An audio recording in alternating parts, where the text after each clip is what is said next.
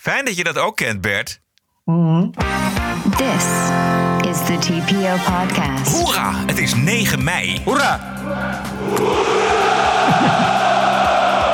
Voor GroenLinks is Fortuyn nog niet dood genoeg. GroenLinks. Het lijkt wel een soort vijfde kolonne, die laag. En arbeidsinspectie wil de grenzen dicht voor arbeidsmigranten. Dit is aflevering 350. Ranting and Reason. Bert Bresson, Roderick Phalo. This is the award winning TPO podcast. Goedenavond Bert. Hallo Nederland. Het is maandagavond 9 mei. We beginnen even met een dankwoord aan onze luisteraars. Want zij hebben de TPO-podcast genomineerd voor de Online Radio Awards. En dat vinden wij ontzettend leuk en ondersteunend en solidair. Dat onze luisteraars zo massaal op ons gestemd hebben. We zijn sowieso van de solidariteit, dus je begrijpt. Exact. En niet alleen op de podcast, maar ook op jou, Roderick Velo. Is, ja. Als eh, beste podcastpresentator. ja, online presentator. Ja.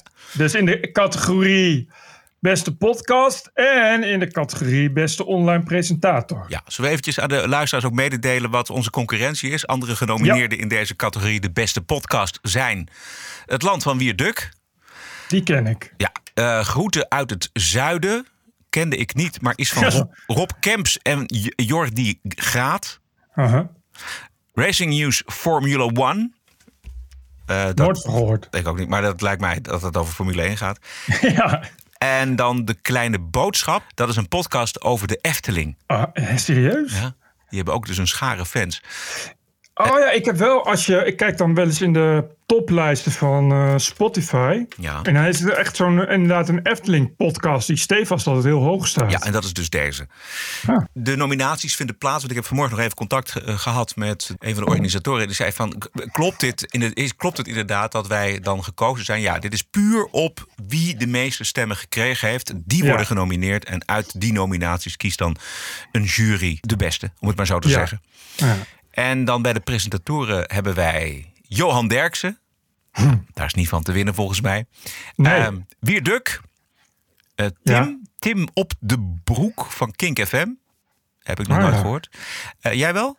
Nee, Oké, maar Kink FM ken ik. Ja, Kink, precies. Eh maar Joni Oosterhof. Zegt mij ook niks. Hallo Kids Radio, dus vandaar. En ik. En dan van de beste online radio stations. eh Arrow Blue Box Radio. En dat, en dat komt door Bert. Hoe komt dat nou? Dat mensen daar nou... Volgens mij echt nog nooit iemand van Aero Blue Box gehoord. En nu ineens met Johan Derksen eh, is iedereen heel goed. Ik hoop echt dat hij wint. Ja. Want die, die gast, die, dus die baas van dat Aero Blue Box, was gewoon een baas. Die was gewoon, had wel ballen.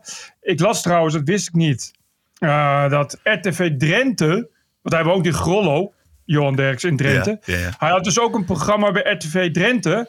En die hebben hem ook niet gecanceld. Oké. Dat wist ik dus ook niet, want Nee. het is mij ontgaan. Want ik lees niet elke dag RTV Drenthe om uh, nee. Belangrijkste reden dat ik niet in Drenthe woon. Maar eh, dat is dus Arrow Blue Box en RTV Drenthe zijn de enige twee die Johan Derksen niet hebben gecanceld. Nou, wat pleit voor deze radiozenders? Nou en of. Juist. Dus ik hoop echt dat die, dat die Arrow Blue Box wint. Ja, eh, dan moet hij wel winnen van eh, Kink FM. eh, Arrow Classic Rock, dat is volgens mij een, een broertje dan van Arrow Blue Box. Eh, Hallo Kids Radio en Jinx Radio. Dat zegt mij ook niks, maar dat heb Zeg ik eventjes geluisterd vanmiddag. Gewoon om eventjes te luisteren wat het is. En? Ja, het is een muziekzender is het. Oh. Ze hebben een attitude. Maar Oh. goed, donderdag 19 mei is de uitreiking. En die zit dan uiteraard in de vrijdagshow voor de leden van de TPO-podcast Vrijdag Club. Entreekaarten kosten maar 4 euro per maand. En dan heb je dus acht afleveringen voor. En ik zat uit te rekenen, Bert. Het is niet zo'n hele ingewikkelde rekensom. Maar eigenlijk betalen onze luisteraars maar 50 cent per keer. Ja, als je de dinsdag-uitzending erbij rekent. Tuurlijk. En die, is ook, die worden ook niet voor niks gemaakt. Dus, Dus- dan het zegt het heel goedkoop. Het is nog goedkoper dan een Netflix-abonnement. En Nou. als je ziet wat je ervoor krijgt. Be- Belangrijker, als je ziet hoeveel werk we erin stoppen. Is het echt. eh, nou, dat is eh, echt. eh, is het eigenlijk gewoon een koopje. Ja, maar dat, het, het gekke is dat zien mensen niet. Ook niet bij de televisie en ook niet bij de radio. Dat, dat speelt zich allemaal achter de coulissen Ja. af. Maar goed, Nee, maar dan weet je dat. Dan je mocht je bij deze dan. Ja. denk van ja, is het niet te duur? Dat is niet zo. Het is helemaal niet te duur. nee, het is maar 50 cent per aflevering. Je hebt dus acht afleveringen per maand voor 4 euro. En als u eh, eh, nog eh, goedkoper uit wilt zijn, dan neem je een jaarabonnement. Lid worden kan via tpopodcast.nl of petje.af slash tpopodcast. Yeah. Dan was het natuurlijk vandaag de dag van de overwinning in Rusland. Gevierd wordt de overwinning op de oude en op de nieuwe naties, zullen we maar zeggen. Ja. En wat heeft Poetin nou precies gezegd? В декабре прошлого года мы предложили заключить договор о гарантии безопасности. Ja. Россия De Zo NAVO is het. trof openlijke voorbereidingen voor een militaire operatie tegen het oosten van Oekraïne en de Krim, zegt hij. De regering in Kiev had zelfs aangekondigd kernwapens aan te schaffen.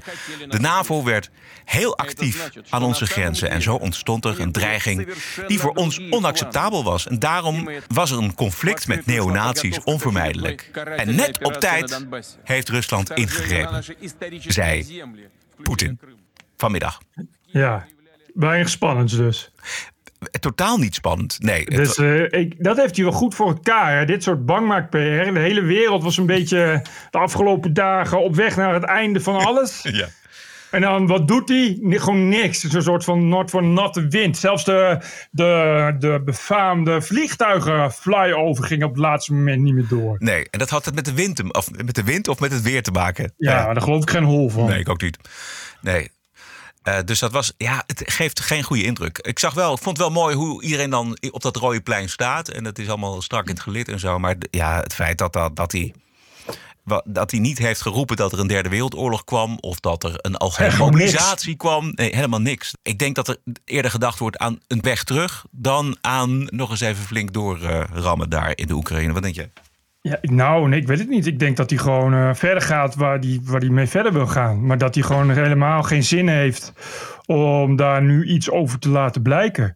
En bovendien dat hele verhaal, dat, dat hele, die hele spanning naar, naar de 9 mei, Ja. dat komt niet uit zijn koken. Dat hebben de westerse media, de westerse landen er allemaal zelf, zelf van gemaakt. Die hebben elkaar opgestookt. Ja, hij, heeft niet hij heeft nooit gezegd, ik kom op 9 mei met een schokkende mededeling. Nee. Dus hij denkt, hij, eh, eh, denkt van ja, het is wel een geniale trollactie. Als die landen zichzelf eh, lekker zuur maken, moet je lekker doen. Ja. Maar wat interessanter is, is dat hij heel veel niet zegt. Dus dan weet je nog steeds niet. Hij heeft ook niet gezegd dat hij, dat hij niet gaat escaleren. Of dat hij ophoudt met escaleren. Dus door- voor hetzelfde geld komt hij morgen met... Ik ga lekker nog verder escaleren. Ja, Westen zegt dan van ja, als hij iets gaat doen, dan is het op 9 mei. Terwijl hij misschien wel denkt van ja, moet je lekker zelf weten als je dat wil denken. Ik heb er verder niks mee te maken. Ik hou gewoon een standaard boilerplate praatje. En dan zie ik daarna wel weer wat ja, ik doe. precies. Ja, ja. Nee, dat, ach, zeker. Wat mij wel opviel was dat hij er vitaal uitzag. Hij, hij stond daar erg krachtig. Niks een Ja. tafel vasthouden of iets dergelijks. En hij was, Ja. hij was ook strijdbaar op het eind. Слава нашим доблестным вооруженным силам! За Россию! За победу! Ура!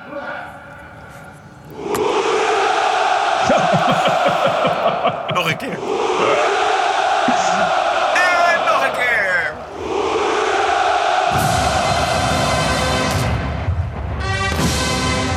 Tadaa, ta, ta, Dit zijn, ta, eh, tadaa. Prachtig volkslied, vind je niet? Dit, dit zijn wel drie hoeraatjes eh, waar je het van, eh, die, het, die het erom doen, moet ik zeggen. Dat is ja. geen klein hoeraatje Nee, ook. Zo, de Beatles, jongen. Prachtig. Oh. Ja, dat was een mooi decor. Dit is, geen, eh, dit is toch wel aardig. Ik denk dat eh, Guy Verhofstadt hiervan droomt. Maar ja, Eh, deze kletspraat, want het was het natuurlijk wel uiteindelijk van de heer Poetin. Dat laat de Oekraïners koud. Eh, NOS had wat voxpopjes in de straten van Lviv. En eh, de stemming samengevat is dit. I think that he will die.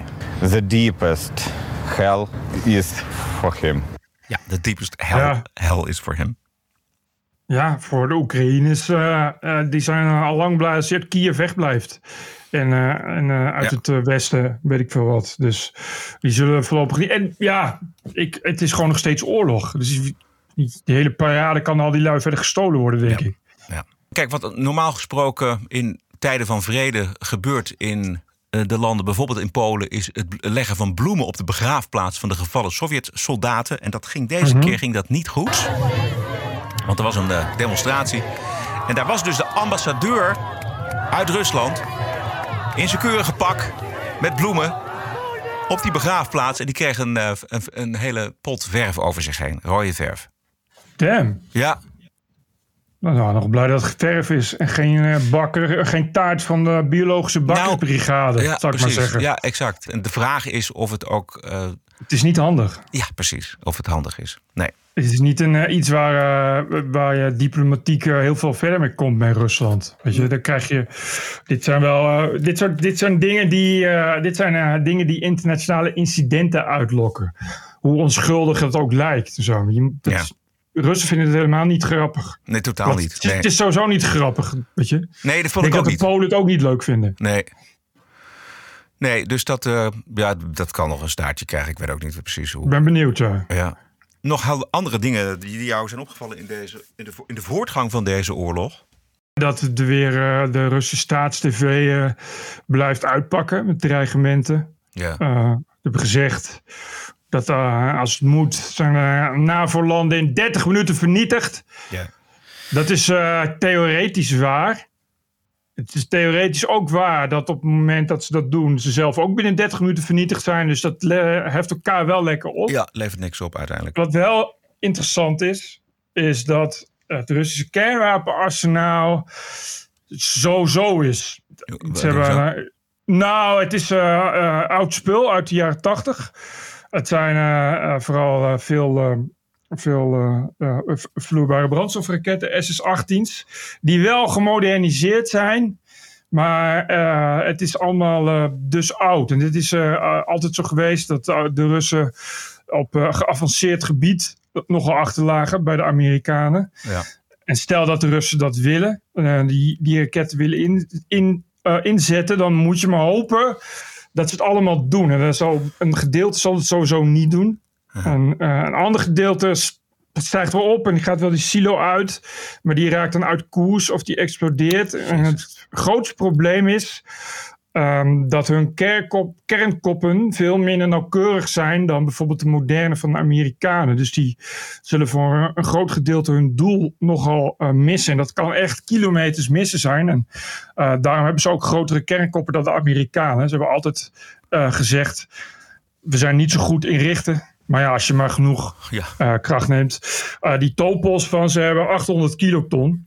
Eh, dat is heel huge vergeleken bij de Amerikanen die meestal iets tot onder 400 kiloton komen.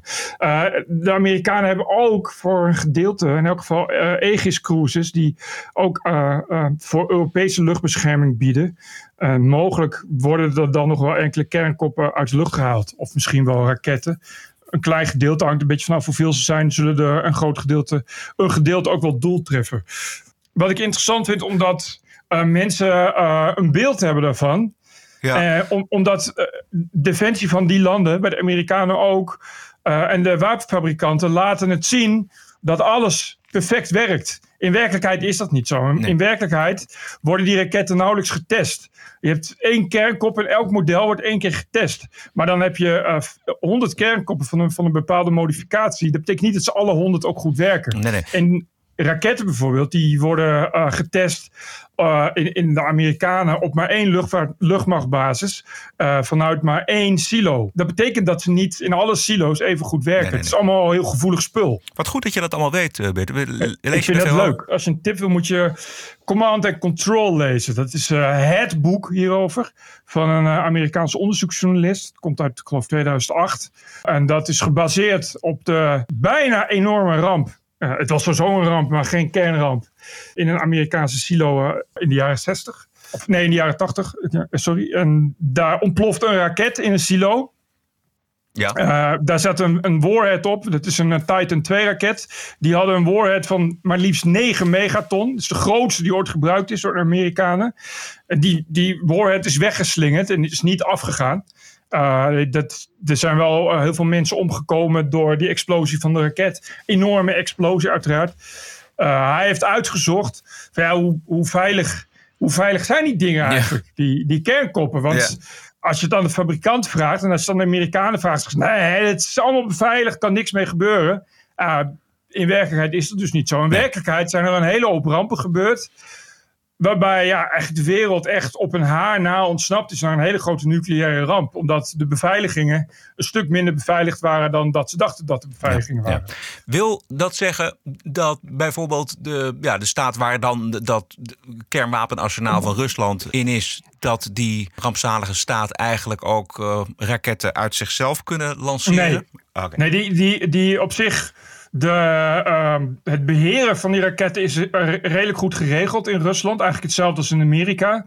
Er zijn maar een aantal mensen die kunnen daarbij. En het zit goed achter slot en grendel. Dit dus ook om te voorkomen hè, dat, zeker in Rusland, toen het, toen het eh, weet je, er, er zijn natuurlijk eh, voldoende redenen om te denken dat mensen wel eens met een kernkop er vandoor willen gaan. Dat gaat niet zo makkelijk. Eh, het is niet zo dat die, dat die dingen uit zichzelf gaan ontploffen of, of wat dan ook. Die beveiliging is zo het is gemaakt dat het niet kan ontploffen, maar het is ook zo gemaakt dat je, eh, ja, voordat je zo'n ding, bijvoorbeeld met een, met, een, met een vliegtuig in een bom, en de Russen hebben daar veel meer mee dan de Amerikanen, moet je zo'n ding bijvoorbeeld eerst aanzetten. Want daar is- ze zijn dan niet, eh, zeg maar, geladen. Eh, en dan moet de piloot moet dat ding aanzetten. En dat is bijvoorbeeld een slechte beveiliging. En als je dan zo'n ding aan hebt en je vliegtuig stort neer, kan dat wel eens heel erg misgaan. Eh, Eventjes terug naar die Russische eh, kern, bedoel, de kernmacht eh, Rusland. Dat, het lijkt erop, tenminste dat zou ik me kunnen voorstellen... dat wij over een aantal jaren ons wel behoorlijk vergist hebben eigenlijk in Rusland en in de kracht van Rusland. We zien het natuurlijk Ja. nu op de grond in Oekraïne. Laten we ons niet rijk rekenen, maar het, het, het is natuurlijk wel een enorme tegenvaller. En niemand had het verwacht dat het zo'n zou tegenvallen voor de Russen. En in het verlengde daarvan, eh, dit verhaal over eh, het kernwapenarsenaal van de Russen. Ja, het, het klinkt logisch, zullen we maar zeggen. Wat? Als dat leger in zo'n slechte staat is dat ze, dat, dat ze al zo lang doen over elke vierkante kilometer Oekraïne veroveren. Ja, wat zegt dat dan over de nucleaire tak van, dat, eh, van die krijgsmacht?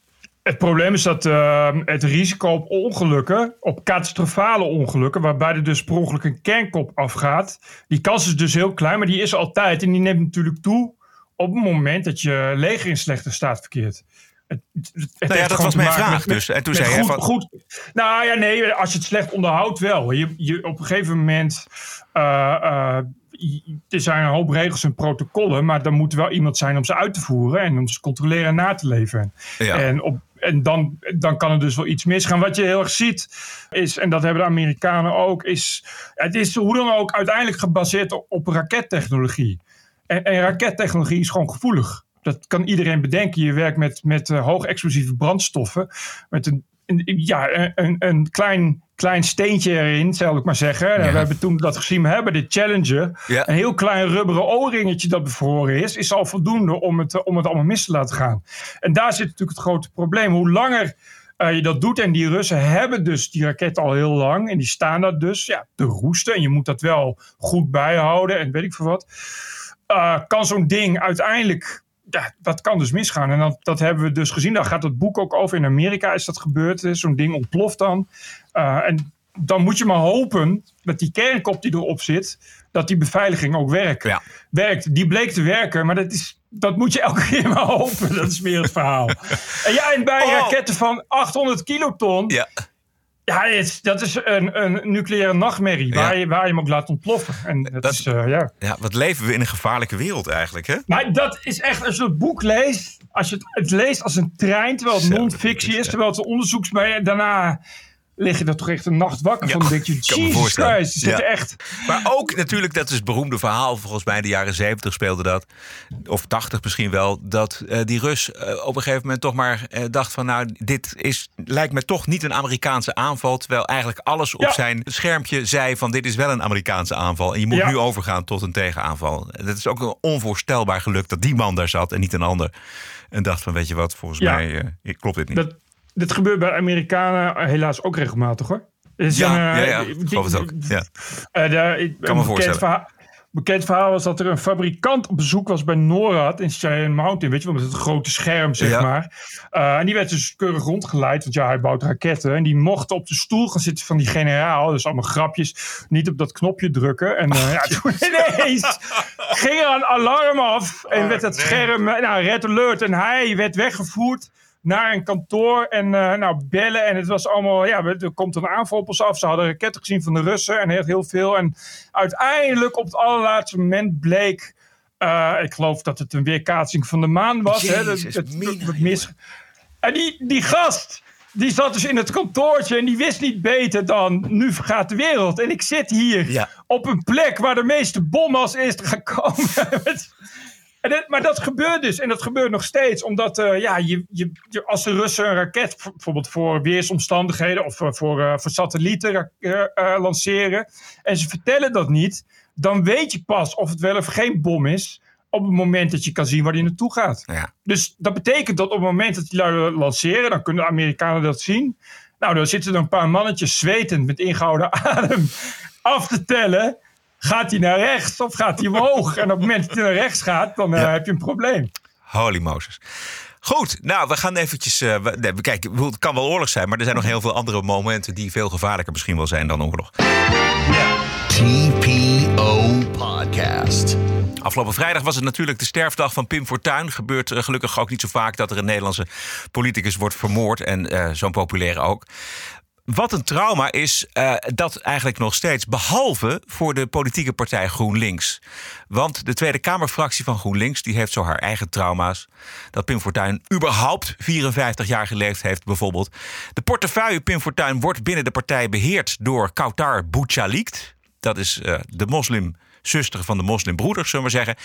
En eh, zij twitterde op de sterfdag van Pim Fortuyn... dat ze de tv-serie over Fortuyn heeft moeten uitzetten... wegens trauma's over wat Fortuyn over moslims heeft gezegd. Nou, eh, traumaverwerking, dat kan zijn het nog een keer te horen en nog een keer te beleven. Dit is Fortuyn over moslims. Als ik zeg dat de islam een, eh, een eh, onderontwikkelde of achterlopende cultuur is, daar heb ik drie boeken over geschreven, mevrouw. Dat vind ik niet een opmerking kort door de bocht. Maar achterlijke cultuur heeft natuurlijk een bijsmaak. Hè, Ja, woord. nou, goed, dus ze hebben het over achterlopend. Eh, vindt u dan misschien milder, maar ik wil ook wel het woord achterlijk betekent gewoon dat je niet bij de tijd bent. Nou, dat, eh, dat vind ik en dat heb ik ook aangetoond. Eh, dat dat zo is, vanuit ons gezichtspunt gezien. Dat zij dat anders zien, eh, dat haal je de koekoek, dat wil ik wel geloven. Maar daar liggen eh, zeg maar de moeilijke integratieproblemen... waar niet alleen natuurlijk Nederland mee kampt, maar heel West-Europa. Nou, dat heb ik benoemd. Dat vind ik geen, nogmaals geen ko- opmerking kort door de bocht. Want u wil ook die islam als het ware openbreken. Hè? Denkt u dat dat lukt door het echt op het scherpst van de snede te spelen? Oh, u dacht dat het lukt door, dat- door het zaakje onder het tapijt te schuiven. Nou, ik denk dat als we nu iets zien in West-Europa... dan is eh, de verantwoordelijkheid van links en van extreem links. Hè, in ons land de, eh, heet het GroenLinks. Het, lijkt wel een soort vijfde kolonne, die. Hè, van, die staan helemaal niet voor onze culturele waarden. Eh, het voortdurend onderschatten eh, van de problematiek. En dat is nog tot daar aan toe, is dom. Maar het erge is dat GroenLinks en de Partij van de Arbeid decennia lang in dit land verboden hebben om te discussiëren over de problemen van de multiculturele samenleving. En niet alleen verboden hebben om erover te discussiëren, maar ook nog hebben verboden om statistisch te meten wat die problemen waren. Ja, een beetje lang fragment, maar ik vond het wel weer leuk om hem te beluisteren. Het, het blijven wijze woorden, ja, mij. En het is, eh, maar moet je voorstellen, eh, 20 jaar terug, hoe enorm dit erin sloeg. Want het klopt wat hij zegt, weet je wel. Het, is, het was natuurlijk al die tijd was het verboden om te praten over de moeilijke integratie niet van Vietnamezen of van Chinezen of van Spanjaarden of van Italianen, maar van moslims. En hij beschreef dat in zijn boeken, eh, dat dat te maken had niet met die mensen zelf, maar gewoon met de cultuur waar die mensen uitkomen. Maar goed, dat heeft dus blijkbaar bij Qatar Boutjaliet en, en GroenLinks tot een hoop trauma's geleid, dit soort eh, opmerkingen. Die vrouw was acht toen Fortuyn werd doodgeschoten. Ja, Dus hoezo heeft die vrouw trauma's dan ja overgehouden? ze zegt het. Ik geloof daar helemaal niks van. En ik vind het een, eh, ja... ja... Ik vind, voor mij mag ze het zeggen. En vervolgens zegt ze het en er komt er heel veel ophef over. Heel veel mensen zijn daar boos over, dat begrijp ik dan ook wel. Eh, en vervolgens dan, dan wordt er eh, door een gedeelte van links zeggen dan weer van... Ja, Boetje Lid mag zeker niks zeggen. Terwijl volgens mij heeft niemand gezegd dat ze dat niet Nee. mag zeggen. Maar als je dat gaat zeggen, gaan de mensen daarop reageren. Ja, maar dat is, dat is altijd het, eh, het, het rare dat mensen zeggen. Weet je, kijk, je mag alles zeggen, maar mensen mogen ook alles terugzeggen. Het wordt Ja. pas een probleem als iemand anders naar bijvoorbeeld de rechter stapt. In het geval van Wilders, heel vaak gebeurt. Dan probeer je de vrijheid van meningsuiting te begrenzen. Maar als Bouchalik dit zegt, wat ze vrij is om te zeggen, dan mag iedereen daar iets over zeggen. Wat Ja. hij vindt of zij. En dat, wordt, dat gebeurt dan ook alleen op Twitter. En dan krijg je echt eh, een gedeelte van de media zegt van... Oh ja, eh, Boetje Lid mag ineens geen opmerking maken. Of ik van, nou, wat een onzin. Ja.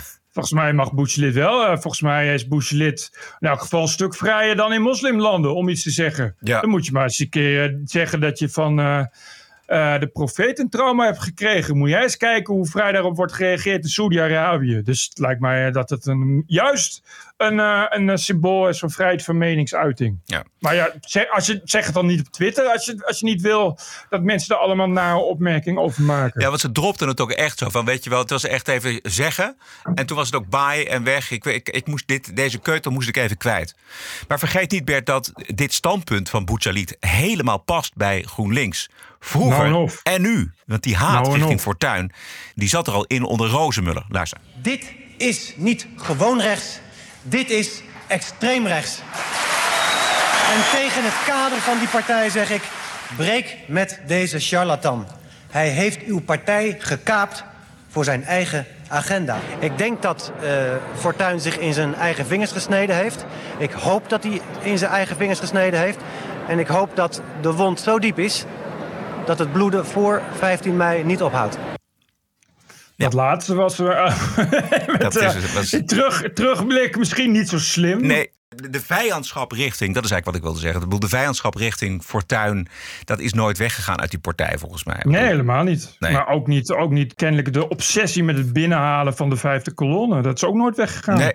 Met, het, met het, eh, het liefde voor de islam. Dat zien we. Daarom is Bush. Daar Ja. staat daar iemand die gelieerd is aan de moslimbroeders met een hoofddoekje te vertellen dat ze feminist is en voor vrijheid van vrouwen. Dat is iets, iets wat diep, diep, diep in GroenLinks zit.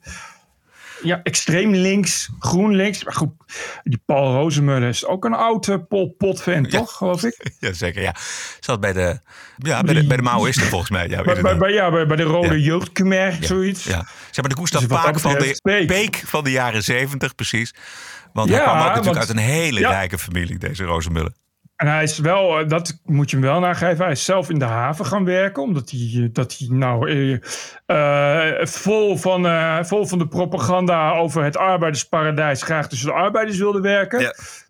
Maar hij heeft altijd een hele rijke papa gehad, ja. Zeker.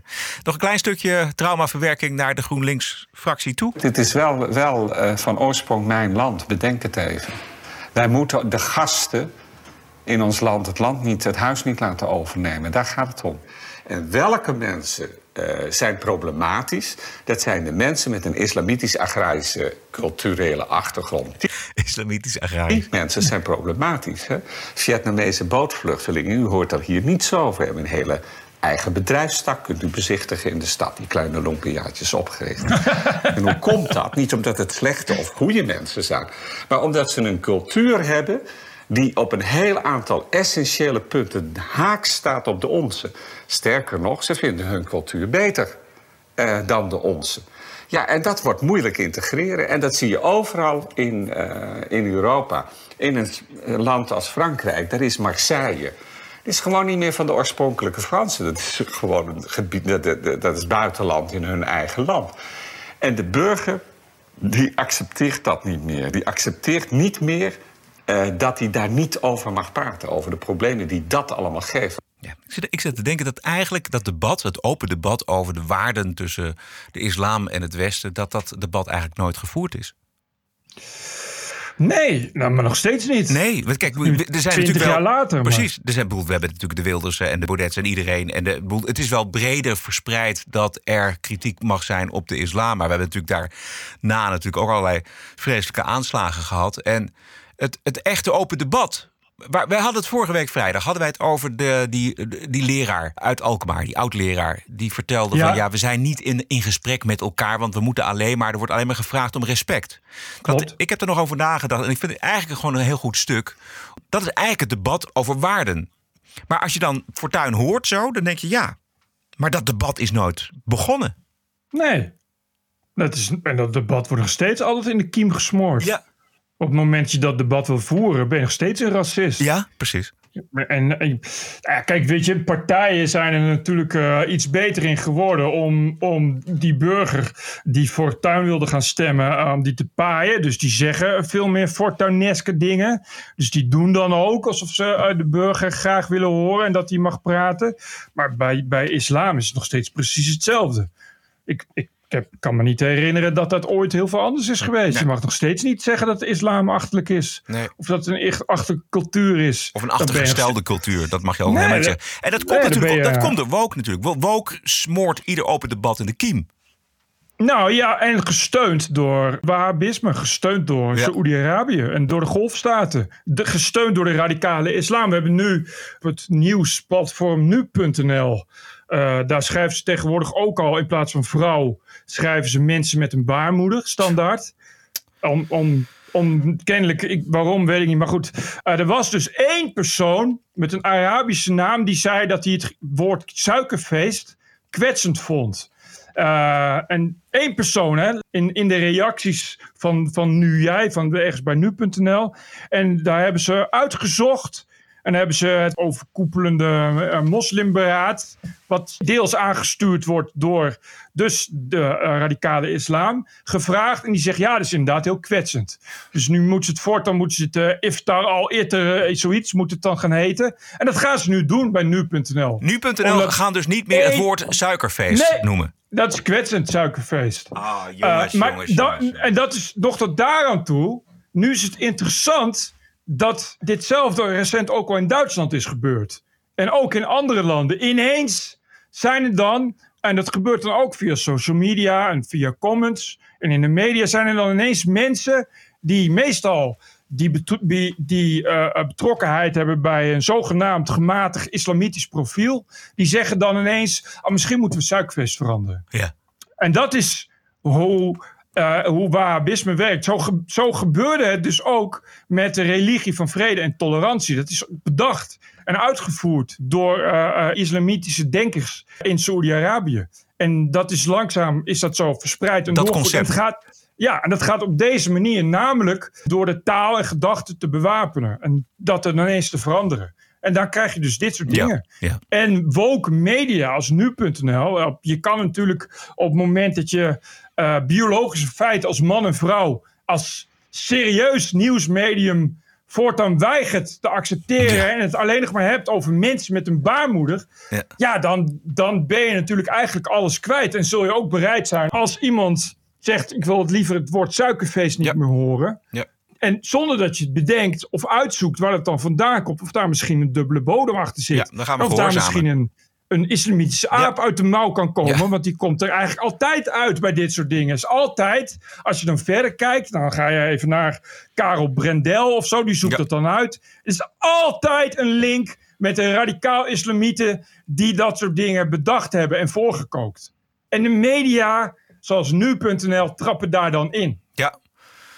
Oh, wat zijn we ver van huis. Ja, mensen met een baarmoeder. Ja. Wilde ik nog eventjes praten over dat eh, vernietigende rapport van de arbeidsinspectie over het kabinetsbeleid in zaken asiel en migratie. Die inspecteur die heet eh, Rits de Boer. En die zegt: stop met arbeidsmigranten importeren, want uitbuiting, geen huizen beschikbaar, kapot concurreren met de Nederlandse werknemers en overbevolking. En dat slaat, ja precies, het staat lijnrecht, gaat het in tegen wat het kabinet in het regeerakkoord heeft afgesproken, namelijk eh, meer arbeidsmigratie Juist. met allerlei idioten en achterhaalde ideeën, namelijk dat het de economie anders eraan gaat of dat de vergrijzing anders niet betaald kan worden, dat soort zaken. Die arbeidsinspectie die borduurt voort op het stuk van de Wetenschappelijke Raad voor het Regeringsbeleid over die scenario's, weet je, de, met de bevolkingsgroei. Twee jaar geleden, Paul Scheffer heeft daar aan gewerkt. Ja. Ik, ik sprak Scheffer vanmorgen en die is moedeloos aan het worden vanwege het verzet tegen beperking van immigratie. En dat heeft te maken met twee zaken, namelijk enerzijds de VVD en de werkgevers. Die zeggen, ja, dat is, voor ons is arbeidsmigratie essentieel... want dan kunnen wij namelijk lekker goedkoop produceren. En aan de andere kant de morele verontwaardiging van links. Dus de Partij van de Arbeid die zegt, ja, nee, maar wacht even. En GroenLinks. We moeten de hele wereld opvangen. En dat is dus een krachtenveld, daar is niet tegen op te werken. En dan komt dus de arbeidsinspectie met pure zwart op wit gegevens van uitbuiting, van, van, Ja. van, van mensen die eh, op, op een kamertje van, van 2 bij 2 op elkaar gepropt worden. Ik heb vanmorgen gelezen arbeidsmigranten die gewoon op de werkplaats werken, eten, slapen, de volgende ochtend weer wakker worden, et cetera. Het zijn bijna Chinese toestanden. en dat wordt allemaal gewoon oké gevonden. Ja, en ik weet niet wat erger is. Nou, het oké vinden omdat je zo moreel woke bent... dat je hoe dan ook de multiculturele samenleving Ja. erdoor wil brengen. Of het oké vinden omdat eigenlijk al die gezellige multicultures... niets meer zijn dan een manier om makkelijk hogere winst te maken. Ja. Ik weet niet wat erger is, maar het is beide eigenlijk heel verschrikkelijk. Ja, het resultaat is hetzelfde. En het is afgrijzelijk. Het ene is hypocriet. Hè? Het andere is, het links zou je kunnen zeggen, het is hypocriet. En het, en het rechts is gewoon inhumaan om mensen zo te laten werken. En puur en alleen gericht op je eigen winst. Het boek over de Schilderswijk gaat ook over die eerste immigrantenstroom tussen eh, in de jaren 60, 70. Die zijn naar Nederland gehaald. En er is altijd, ze zijn naar Nederland gehaald. Waarom? Omdat de Nederlanders dat werk niet meer wilden doen. Wat onzin is, de Nederlanders wilden dat werk allemaal wel doen, maar ze wilden er alleen gewoon fatsoenlijk voor betaald worden. Exact is nu weer dit gaande in, in Nederland. En weer trekken de werkgevers trekken aan het langste eind. Die profiteren ervan. Ja, en wat ik echt, echt raar vind, is dat die arbeidsinspectie zegt dit nu. En terwijl er dus inderdaad in het regeerakkoord iets anders staat. En de EU heeft twee weken geleden ook nog Ja. gezegd van ja, we gaan eh, eh, arbeidsmigranten uit Noord-Afrika willen we willen graag hebben. Ja. Dus je echt denkt van het begint wel kennelijk steeds meer dat twee universa naast elkaar leven Ja. de arbeidsinspectie die, die eh, nou, daar dagelijks de gevolgen van ziet. En dus inderdaad wederom de regerende klasse die eh, daar kennelijk alleen maar met een soort, ja, een soort, soort, soort technocratisch idee naar kan kijken. Ja. Uh, aanstaande, wat is het? Uh, zaterdag ga ik daarover spreken op uh, Radio 1, notabene. Bert. Oh, Ja. wat leuk. Ja, Bij Pownet. eh, precies. Inval, nee, precies. invalklusje op Radio 1 op zaterdag tussen 7 en 8 's avonds. Wat leuk. Roderick Billy Velo op Radio 1. TPO Podcast. Gaat niks boven de TPO-podcast. En wil je de vrijdagshow ook beluisteren? Dat kan via tpo.nl slash podcast. Ranting and Reason. Hebben wij nog eh, berichten binnengekregen? Mensen die hun enthousiasme voor de podcast niet eh, voor zichzelf willen houden, Bert? Nee. Helemaal niks. Nou ja, ze hebben allemaal op ons genomineerd. Ja, dus dat is waar, ja. Oké, nee, dat is niet erg. Ehm, vrijdag kijken wij altijd terug naar eh, een eh, hele fijne wookweek. En dat kan als je dus eh, meedoet met de vrijdagclub van de TPO-podcast. Het is weliswaar de dinsdagaflevering, maar laten we toch eventjes kijken naar de verwoking van Moederdag afgelopen zondag. Ehm, u weet het, Zwarte Piet, Kerstmis, Moederdag, Vaderdag, alles moet gesloopt. Want eh, het is of transfoob of islamofoob of het is, het is iets anders. Of misschien is het wel... It's racism. Ja, precies. Dat, dat kan natuurlijk ook altijd dat het racisme is.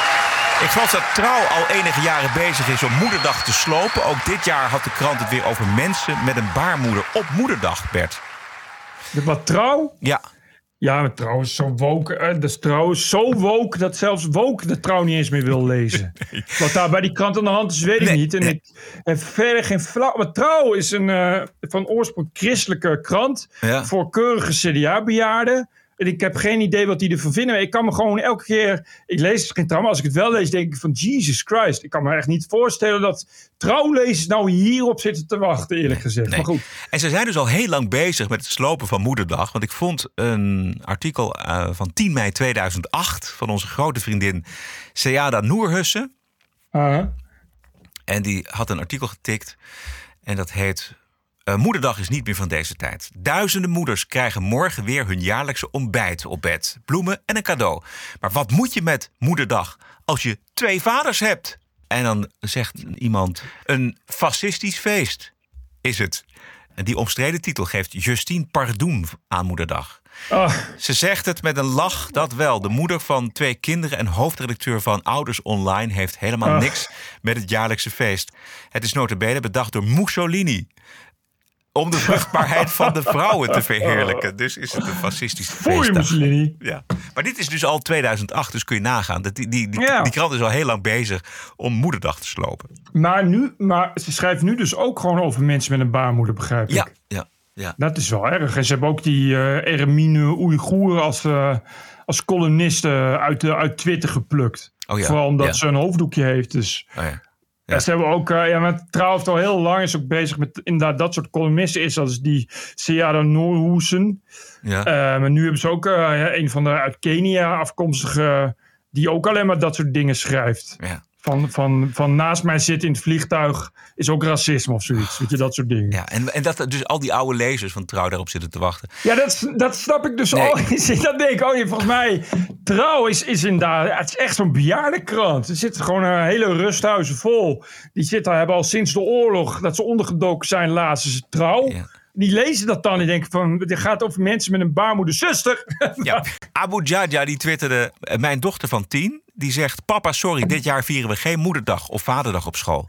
De meester zei dat we op deze dagen voor alle mensen van wie we houden zullen vieren.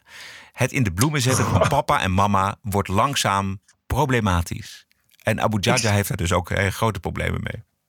Mensen met een baarmoeder, dat heet de vrouwen. Als je gaat zeggen mensen met een baarmoeder, dan loop je het risico dat je straks gaat zeggen dat er op de weg dingen met vier wielen en een stuur rijden. Ja. Maar dat zijn auto's. Die noem je ook auto's. Dat hoef je niet. Die noem je auto's. Zeg je, wat is dat? Iemand met een baarmoeder, oh een vrouw, daar hebben we een woord voor bedacht.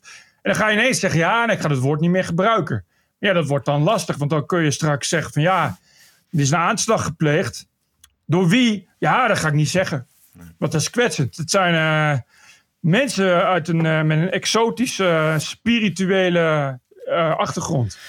Oh, moslims. Nee, mensen met een, met een exotische spirituele... En dan, dan wordt het moeilijk om, om, om je nieuws te maken. En dan wordt het ook moeilijk voor de lezer om nog je nieuws te vertrouwen. Weet je wat zo erg is? Is ook dat zo'n hoofdredacteur van nu.nl zichzelf vindt dat hij de taak heeft om andere mensen niet te kwetsen. Nou ja, ze hebben, ik, de, een van de hoofdredactieleden heeft er een stuk over geschreven. En ze vinden het dus gewoon heel belangrijk om zo. Nou ja, daar krijg je het hele lulverhaal over dat ze zoveel mogelijk een afspiegeling willen van de samenleving. Eh, en, en, eh, nou, ja, en dat ze voor iedereen zo helder en ook veilig mogelijk willen zijn.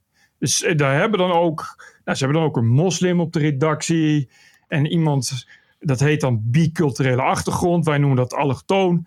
Eh, en, en dat vinden ze belangrijk en waarom weet ik nooit. En, maar dan zegt ze ja, nee, maar dan is het belangrijk omdat je dan het nieuws ook van alle kanten kunt beoordelen. Ja, Terwijl- dat, Ik- dat ik- staat, dan? nergens op. Dat bedoel, journalisten Is- moeten je dus- sowieso alles van kanten bekijken. Journalisten moeten zich inleven. Dat heeft niks met een biculturele achtergrond te maken. Het is allemaal Dus- woke shit. Ja, dus als iemand een ongeluk veroorzaakt in zijn auto, maakt het uit of dat jij het bent of een Chinees. Volgens mij niet. Volgens mij is die dan een ongeluk veroorzaakt in het auto. Wat wil je voor, voor, voor culturele achtergrond erbij halen nog dan? Ik denk dat het bullshit is. Ik denk dat het te maken heeft met eh behaagziek zijn en moralistisch zijn. En heel erg bang zijn voor adverteerders. En meebuigen met de wensen van eh, de mensen met de grootste bek. Wat op dit moment de woke-groep is. En dat je dan een beetje een laf lul bent. Dat denk ik. Maar ik denk, eh, maar goed, nu.nl is onderdeel dus van de persgroep media. Dus ja, Het- ja, tel uit je winst. Ja. Kaching! Vreselijk. Dat conformisme, jongen, dat, dat neigt... Ja, ik ga het niet zeggen, maar het, heeft een, het, het woord begint met een F. Maar dat conformisme, dat, dat lijkt daar heel erg op. Met een F. Nog, het was ook een school in Canada, in eh, Abbotsford. Eh, die heeft ook moederdag gecanceld vanwege een gebrek aan eh, compassie, zeg maar. Ook vaderdag wordt afgeschaft. Oh ja, de nieuwe naam is The Grown-Ups Who Loves Us Day. Maar je kan toch gewoon dan. eh eh, schaf het dan helemaal af. Zeg dan: ik wil, ik wil geen moederdag. Maar dit wordt een beetje, een beetje triest op deze manier. Een grote trieste bedoeling. Ik hoop zo dat mensen daar niet mee akkoord gaan. En dat gewoon dat die ouders hun kinderen van die kutscholen afnemen. En zeggen, weet je wat, Amahula, ik ga een andere school zoeken. Desnoods een forumschool waar gewoon nog moederdag wordt gevierd. Nou, dat zal dan wel lukken, de forumschool. Maar bij Forum... Het is weer wat anders, zag ik. precies, ik zag dat alle wappies die eerst over corona hadden... en toen over Poetin hebben weer wat nieuws. En dat is dat ze anti-zonnebrandcrème zijn. Oh, ik zag dat je daar iets over twitterde. Wat Ja, ik dacht, oh, dus uiteraard, zoals dat gaat ook, dat het een grapje was. Maar dat bleek een heel serieus ding te zijn. En Robert Jensen heeft er al t-shirts van, uiteraard. Say no to, serieus, say no to sunscreen. Oké. Eh, dat is, dit is al een tijd een lobby gaande van, van mensen moeten vaker zonnebrandcrème gebruiken. Zeker. Omdat eh, mensen gaan meer naar het strand en er is dus steeds meer huidkanker. Ja. Heel, heel gek, eh, gewoon bewijs. Dat is heel gek, gewoon bewijs. Hè? Als je dan huidcellen onder een UV-lamp legt, dan eh, zie je dat, daar dat ze melanoom en zo Ja, eh, gaan vormen. zeker, Het is ja. gewoon een hard bewijs. Maar ja, Ja. wappies doen niet aan hard bewijs. Die hebben dan nu een, een complotachtig gezegd van... eh, ja, dat is alleen maar om meer zonnebrandcrème eh, te verkopen. Oh, mensen, nee. Ja. Zo ging dat namelijk ook bij, bij COVID. Hè? COVID bestaat niet, zoals je weet. En er was dus alleen maar, eh, is alleen maar bedacht om Pfizer eh, de zakken Ja. te laten vullen. Ja. Ja, zo gaat het nu ook, want ja, zoveel zon is niet in Nederland. Je zou maar verslaafd zijn aan complottheorieën. Dan moet je elke keer moet je weer nieuwe complottheorieën krijgen. In dit geval dus van Forum voor Democratie. Dat is dus de hofleverancier van de complotten. Maar de- ja. Ja, maar ik, dat, de, het, is, het wordt wel steeds moeilijker, want het, het druppelt zo binnen. Het begon met die Eva Vlaardingen-Broek. Die had een, een, een... Nou goed, die plaatst graag foto's van zichzelf. Dat ligt voor de hand. Een foto van zichzelf geplaatst op een terras. Dat zei in de zon, no sunscreen. Ik, toen dachten wij van, huh? het zal, ik weet niet waar dit over gaat. Maar dan ga je zoeken en dan blijkt er echt een hele serieuze beweging te zijn. Van eh, tegen zonnebrandcrème. Goed, meer woke aanstaande vrijdag. In de TPO-podcast op vrijdag. De Wokweek. Ook in de wiskunde valt nog genoeg te decoloniseren. Het absurdisme. You're an adult. Grow up. Deal with it. De terreur. Everything woke turns to shit. En het verzet ertegen. This cancel culture is gonna end, end, end. De Wokweek. In de TPO-podcast op vrijdag. En wil je erbij horen? Ga dan naar petje.af slash TPO-podcast. Dit was het, zou- eh, Bert? Ja, ik zou sowieso dan eh, lid worden van petje.af slash TPO podcast. Dan kun je lid worden en dan hoor je erbij. Eh, en dat is belangrijk, want eh, stel dat we de Online Radio Award winnen, ik noem maar wat. Ja. Ja, dan wil je er gewoon bij horen. Ja, precies. Ja. Dus is sowieso, iedereen weet hoe belangrijk het is om bij iets te horen. Dus ik zou sowieso lid worden. Elke dinsdag en vrijdag online via je favoriete kanalen. Vergeet je abonnement niet, niet eh, voor de vrijdagshow en voor alle shows. Het is maar 50 eurocent per aflevering. Dat is ongelooflijk goedkoop. Ons ondersteunen met een jaarabonnement doe je via petje.af slash podcast. Veel dank en stay cool. en tot vrijdag! Tot vrijdag, Bert. TPO Podcast. Bert Bruson, Roderick Balo, Ranting and Reason. Beste podcastluisteraars, tot vrijdag. Podcasting is the TPO podcast in the Netherlands. Bert and Roderick. What a show. I'm telling you. Twee keer per week de TPO-podcast op dinsdag en op vrijdag. Twee keer per week. Ranting and Reason. Al vijf jaar lang op dinsdag voor Noppes. En dat blijft ook zo. Maar de vrijdagshow is nu exclusief voor leden. Voor 4 euro per maand of 40 euro per jaar. De TPO-podcast. Twee keer per week en maar één keer betalen. Elke week de vrijdagshow voor maar 4 euro per maand. Keep the show running. Ga naar petje.af slash TPO-podcast. Don't miss. Don't miss.